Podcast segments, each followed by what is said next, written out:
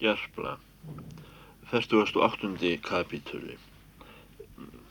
Eh, hér segir af för Ólafs konungs Haraldssonar austur í Kænugarð þar sem hann leitar skjóls hjá eh, mákonu sinni Ingi Gerði úr Svíþjóð sístur önundar Svíakonungs en hún er þá drottning Jarislefs hins bakaði rétt fyrir Kænugarði en Ingi gerði drottningu var Ólafur konungur trúlofaður áður og sveikum hann.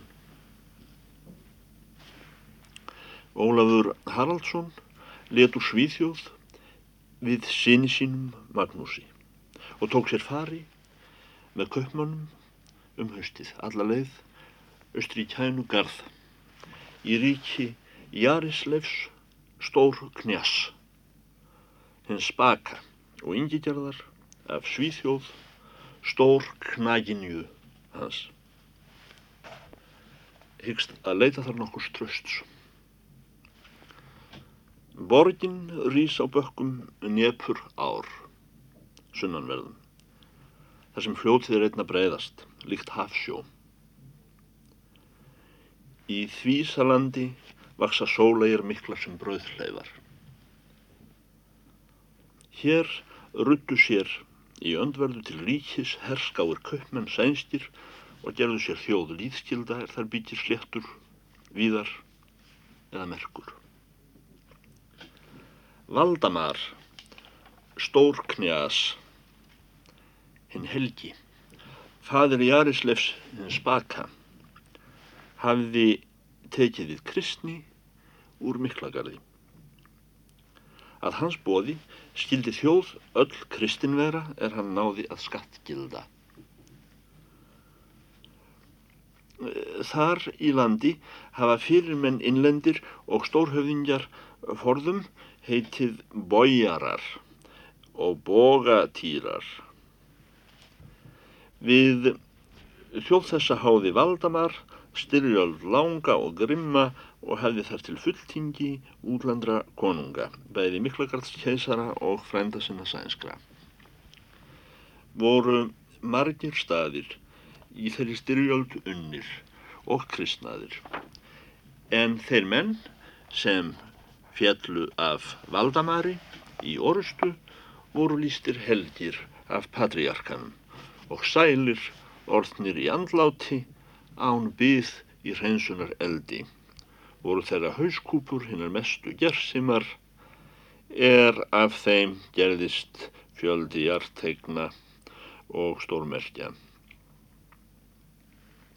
Hér stóð á bakkanum Kongsborg ágætleg með einum aldingarði umbergis og turnum hám. Stóð þar jafnan varð fólk að skima hvort ekki sæjust drífa að kúmanar og annar óvinna herr utan slettuna eða ofan fljótið. Því að þessi lönd urðu aldrei ekki með öllu holl yfir konungi sínum. Þar stóð og innan borgarveggja múglífi það.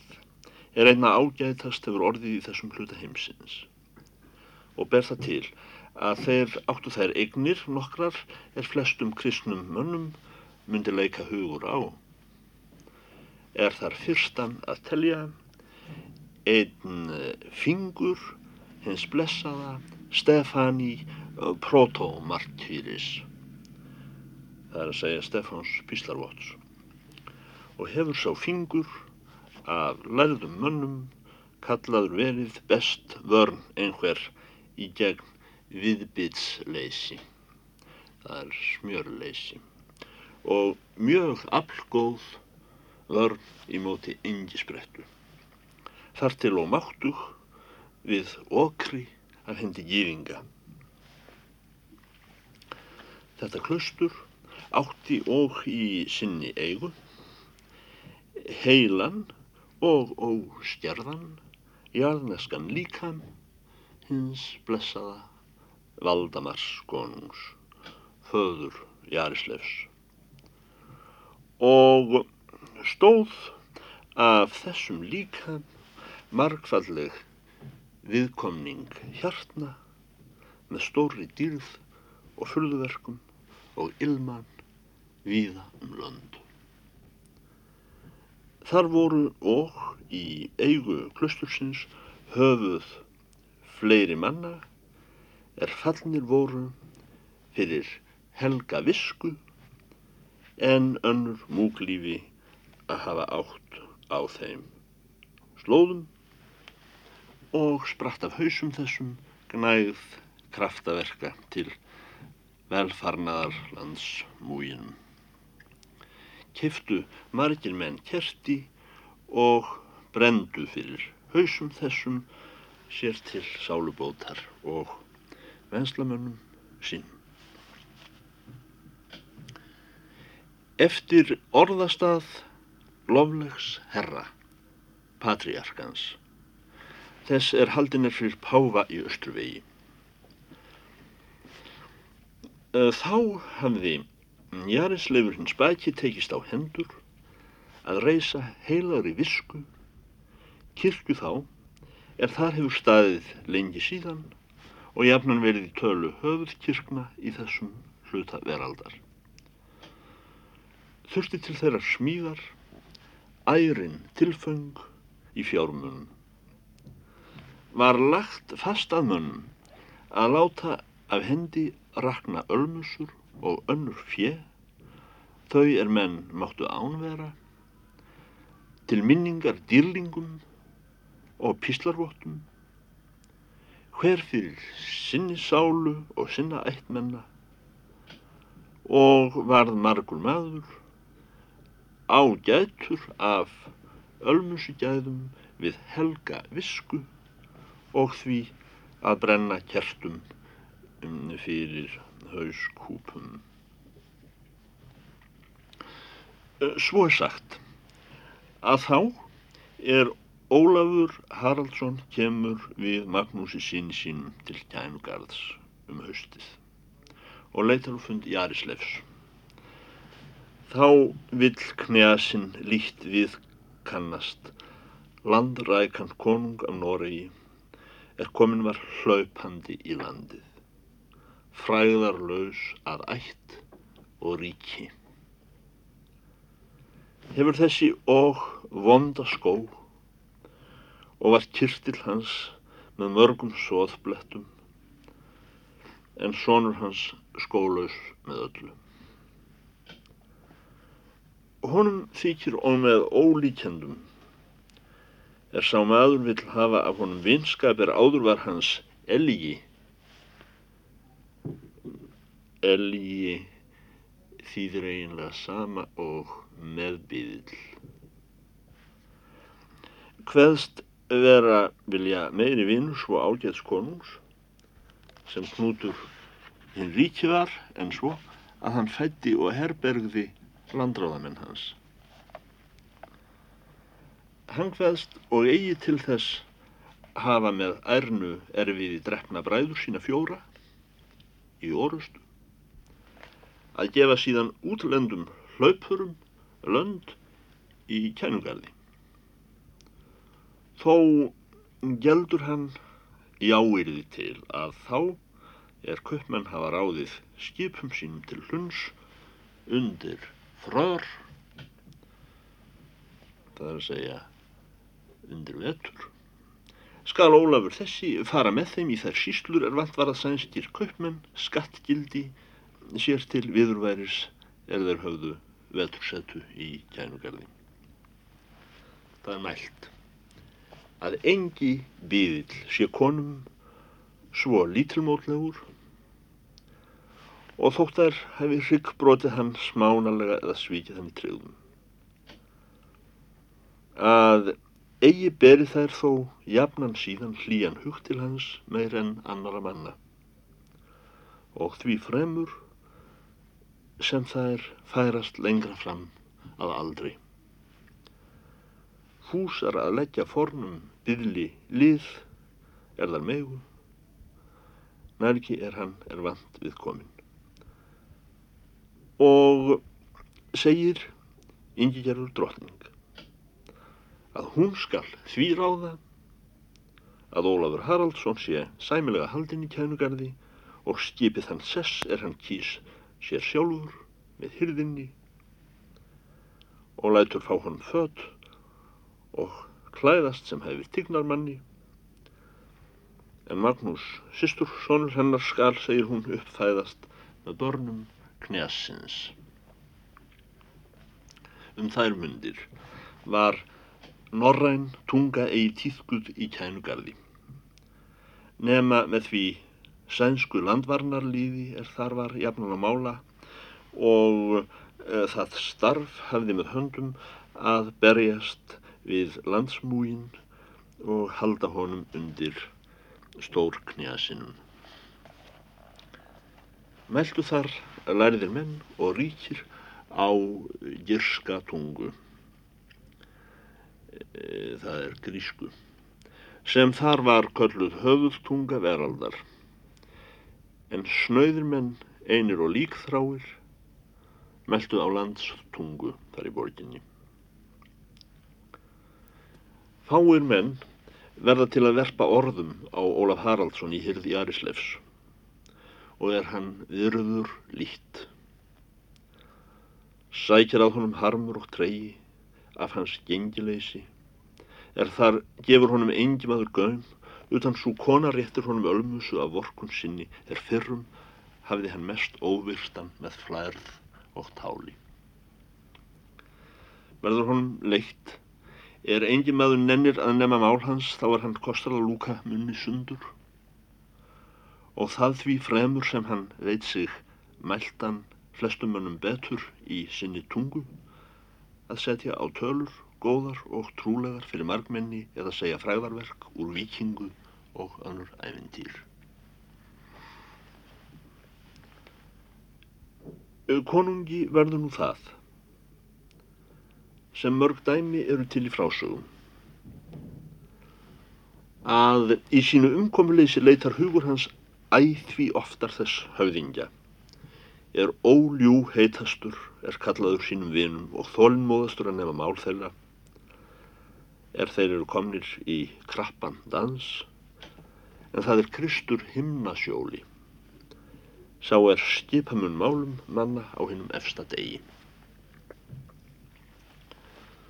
Ólafur tekur nú mjög að venja komur sínar í dýrðar hús, að mæla við dýrlinga þá og postóla er þar eru mestir haldnir af Kristi og svo megar helgar og fóringja í englalífi, leggur hlutsinn mjög á vald þessara heilagra vætta, hlýðandi með tára úthellingu á langdregin múka söng er sá í gyrskum síð oft blandin mjög svarta galli og hveinan. En í þessum hluta heimsins ráða fyrir kristni vinir Rómastóls eigi miklir. Þeir er í gyrsku kallast metropólítar sem fyrr var ritað en þar standa ofar arkimandrítar og patriarkar og liggja þeir allir undir banni herra Pávans sem og hann undir þeirra banni. En eigi kunni Ólafur Haraldsson grænarmun á þeirri kristni og kristni Grímkjells biskups af Kantaraborg fótvinnarsins var honum í flestum hlutum girska jöfn latínu. Nú situr Ólafur löngum á tali við þá múka er hann kann að ráða þeirra mál og hlýðir á er þeir fara með kynjasögur, fráberanlegar og undursamlegar af hjartegnum, vitrunum og merkilegum sínum, dýrðarmanna og veiða á meðan lís úr skeggi sér af stóri íþrótt. Af gnótt heilarar visku. Skils nú Ólaug konungi, hversu blíkt faðmalag Kristur býður þeim mönnum er glöðtrað hafa sín konungdómi. og hver þólinnmóður hann er að reysa þá eða gerast honum eftirlátir. Virðandi jafnan bænast að manns hvort er hann er stól konungur eða landrækur. Verður honum tíðrætt við múkana um sitt volað sem hann er landlaus orðin og fjeðana, guðus þakkamaður vandalausra manna og hvimleiður flestum þjóðum. Og vil Jarisleifur í öngu nýta hans þjónustu og horki fá honum að lífsuppeldi land til yfirferðar nýja rána, svo sem hann var vanur að hafa frá barnæsku. Og því meir, sem hjarta Ólafs hrærist af sannendum merkilegra kynjasagna, en kular að honum frá Jarisleifi og hyrðinni. Því meira þokka þykist hann kenna af Kristi keisara. Það er mælt. Að yngigerður drottning hafi verið þess físandi að Ólafi frumver hennar, Haraldsinni, veri fengin í kænugarði staður þar sem hann nýtti virðingar meiri en fjækst af Jarisleifi spúsa hennar. Spúsi er eiginmaður konu. Og fyrir hennar tilbeina er honum vísað að byggja múklífi og samneita þeim mönnum er við helgum lifnaði voru guði kiptir þar í borginni. En það er í Guðs lögum að ekki berendi skal ná inn að ganga um innri dýr múglífa utan drottning landsins.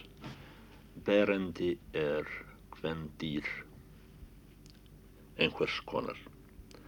En það er í Guðs lögum að ekki berendi skal ná inn að ganga um innri dýr múglífa utan drottning landsins. Ingi Gerður Ólafsdóttir var kona mikil vexti björt yfir litum og stórlát, lík þeim konum svana ættar, er fáar einar verða sénar á Norðurlöndum en ungvar í öðrum stöðum. Hún gekk löngum drottningar gang til múglífis að ræða við Ólaf Másin um þau tíðindi er bárust úr Norðurlöndum því að þar var jafnan hugur hennar. Og þá var hún rætti um innvirðulega, hafði hún uppi afbötum sína við Ólaf, þá að ættmenn hennar stóðu í þrjá tígu liða í Karlsvift að uppsala auði. Það er að segja í beinan Karleg stóðu þeir að uppsala auði og trúðu líkt ættlausum mönnum er í Noregi hófust af sjálfum sér og tóku sér konungsnafn. Töldu ofmörg dæmi þess hver skjót drefnir slíkir konungar urðu í Noregi þá er nokkur meira háttar maður nefndi að fara að þeim. Allt um það þótti henni ástríður, ambáttardóttir sýstir hennar, síst var gefnari en hún var sjálf.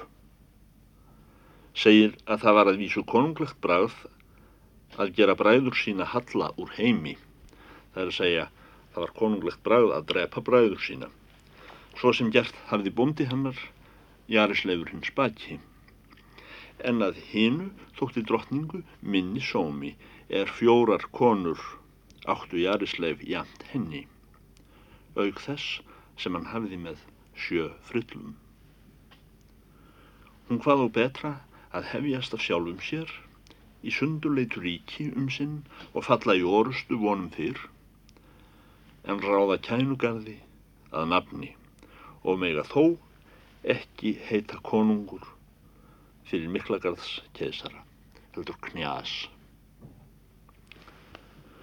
Um þær mundir söfnuðu múkar sem aftók öllum dýrlingahausum og píslarvotta er þeir komust yfir Úr lífi því sannhelgu er bójarar og bógatýrar feldu að Valdamari koningi hinn helga þá hann brauð þjóðina til skýrnar.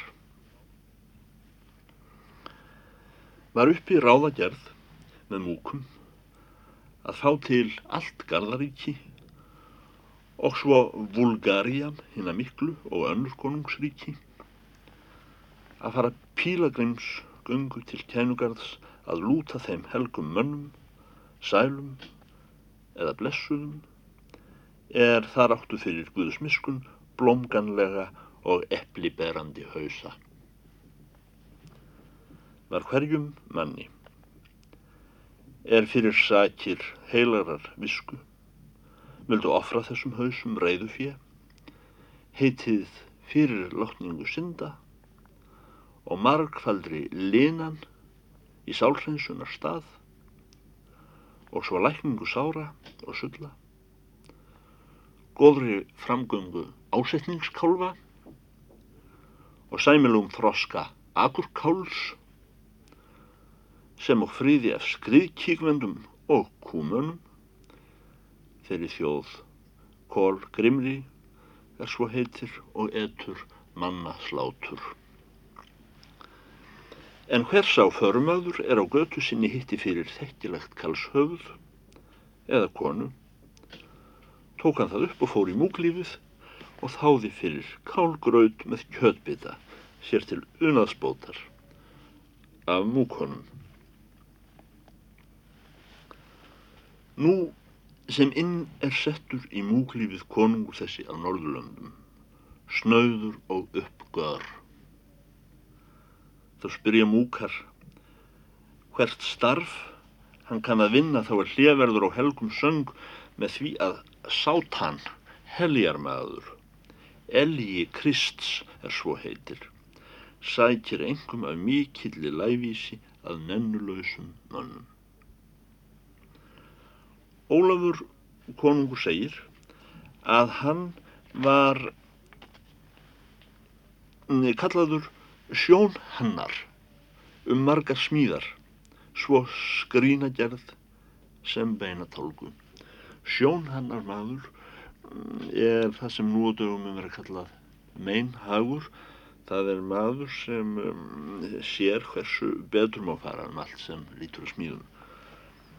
Að hann eh, er að vísu kallaður sjón hannar um margar smíðar svo skrínagerð sem beinatálgu. En þó var eða frækstur af læknishöndum mínum, segir hann, þá er við vorum í vikingu. Og sannaðis nú að hann gemdi í púsi sínum, þeim er hann skildi aldrei ekki við sig, knífa smá, liprar, tengur og síla. Og segir að með þessum ambóðum hefur hann fenginn góðan orðstýr, þá er hann fór með varnarliði að verja England og svo Valland og loks Noreg að stinga augu eða toga tungu úr uppreistarmönnum eða meða fanga og gísla. En er múkarnir hafa leitt augum þessi áhöld, þá kaupa þeir að Ólafi að hann skilji hold frá beini á hausum píslarvotta og annara heilara manna og stingi augu út og tói tungu og leysi úr kjöftum gómfyllu en fæi síðan höfðskjaliðarnar. Þessir forn helgir og blómberanleir dýrlingshausar. Upphaf margra ágætra hjartegna hafa lengi verið gemdir í kænugarði og voru sénir af oss er af stóru fátæki höfum þessa litla bók saman skrifaða. 49. kabli Fróðum mönnum hefur orðið tíðrætt um það er Knútur konungur Svensson gaf handgengnum mönnum sínum í Noregi meira ríki með fríðundum en þeir höfðu fyrr haft. Svo að þeir þykjast nú hafa bolmagn meira en áður til yfirferðar í þeim hérunum sem jafnum voru þrætulönd við svíja. og fer þeim sem öðrum er undirbúa ríkum konungi að þeir higgja hans veldi standamunu um aldur og telja sér allavegu færa undir hans ægis hjálmi. Kemur þar að önundi svíakonungi þykir nokkuð þrengjast fyrir döðrum í sínu húsi. Sýnist honum að norðmenn gerist nú of dyrir er þeir hafa eignast enskan konung yfir sig, ríkari, liðfleiri og skipmargari en verið höfðu Norris konungur áður. En með því að önundur konungur Ólafsson í Svíþjóð hafði við fengna að eignarkonu sýstur Knúts þá sínist honum vel hæfa að fara með gát í skiptum við norðmenn og horki ragleitt nefnið forsi. Leiðir í hugsér hvernug hann skuli upptefla norðarsmönnum með nokkrum hætti. Eða hversu miklu knútur vill til kosta að halda Noregi? Ellegar endurheinta ef bristi úr hendi honum. Kallar sér hafa í því glapnað higgjandi hið fyrra ár er hann veitti Ólafi hinnum dygra. Helsti lítið fullting þá er bændur þröndu honum enganlega þar sem foringjar í bondalíði voru nú flestir gengnir knúti á hönd um sinn sínist honum þá betra að hafa lítinn Karl við hlið sér í Noregi en enskan stólkonung Nú sem uh, æ fleiri ármenn önundar konungs kæra hitt sama vandamál um þraung af hendi norðmanna. Þá leiðist önundi konungum síður og gerir stefnu leinilega með höfðingum þeim er honum þótti gott að hafa í ráðum. Verður fátt uppilátið um ráðagerð þeirra fyrir almenningi. En um haustið verða þau tíðindi að önundur konungur gerir menn austur í Garðaríki með silfri og er í þeirra örendum að finna að máli Ólaf hinn digra, Haraldsson og bjóða að kaupa honum eig það er að segja hest skjóta. Og reyða að fara austan þá um veturinn og skuli býða hans skipafloti fyrir austan salt. Það er eistra salt að sigla á fund á stríðarkonu hans. Á því hösti voru liðin tvö misseri síðan er Ólafur konungur komið kæðinu garð á því sama dagri er sendimenn sví að bera upp þessi mál við Jarisleif Stórknjas Þá verður yngi gerði drottningu gengið í múglífið sem hún átti vanda til að finna að máli Ólaf konung sýsturmann sinn. Hann var þá að starfi og hefur töng sér í hendi að kroppa gómfyllu úr einum dýrlingskjafti. Þar var blend í húsinu miklu reykjelsi mönnum til hugbótar og svo til þess að byggja út draugalikt. Drottning tegur sér sæti, gagvart Ólafi hinnum digra og horfir á um stund konungin keira upp skolta dillingsins af mikill íþrótt. Hún er þá eigi all kátt. Drottning tegur svo til orða. Gestir riðu í garðvorn af Svíþjóð vestan, segir hún, og fara með bóðum. Þú skalt fylgja þeim austan og hafa aftur með ástríði sýstur minni. En þó skaltu fyrst berjast verða til landa í Noregi og vil önundur í uppsölum bróður minn til þeirrar farar ljá þér alla lands ofringja, það er að segja flakkara, Húsgangsmenn og þjófa er finnast kunnu í svíjaveldi báðum eigins alls. Er nú í ríki bróður míns illa ert, árar illa og lið auð kipt að reysa ófríð í flestum stöðum, svo á Eistlandi og í Eisíslu eða Godlandi sem í Svíþjóð sjálfri. Er því heitið í Noregi góðu herfangi. Ólafur Haraldsson hættir starfi þegar og leggur frá sér dillingshausin með járninu í meðal skoltanna. Hann segir svo.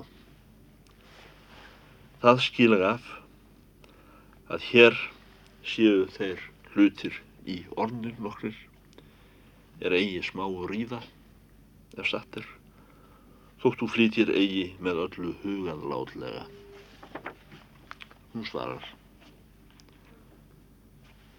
Seg þá hver nöðsinn þér þykja ávera að ná aftur hendi á stríðarsýstur minnar?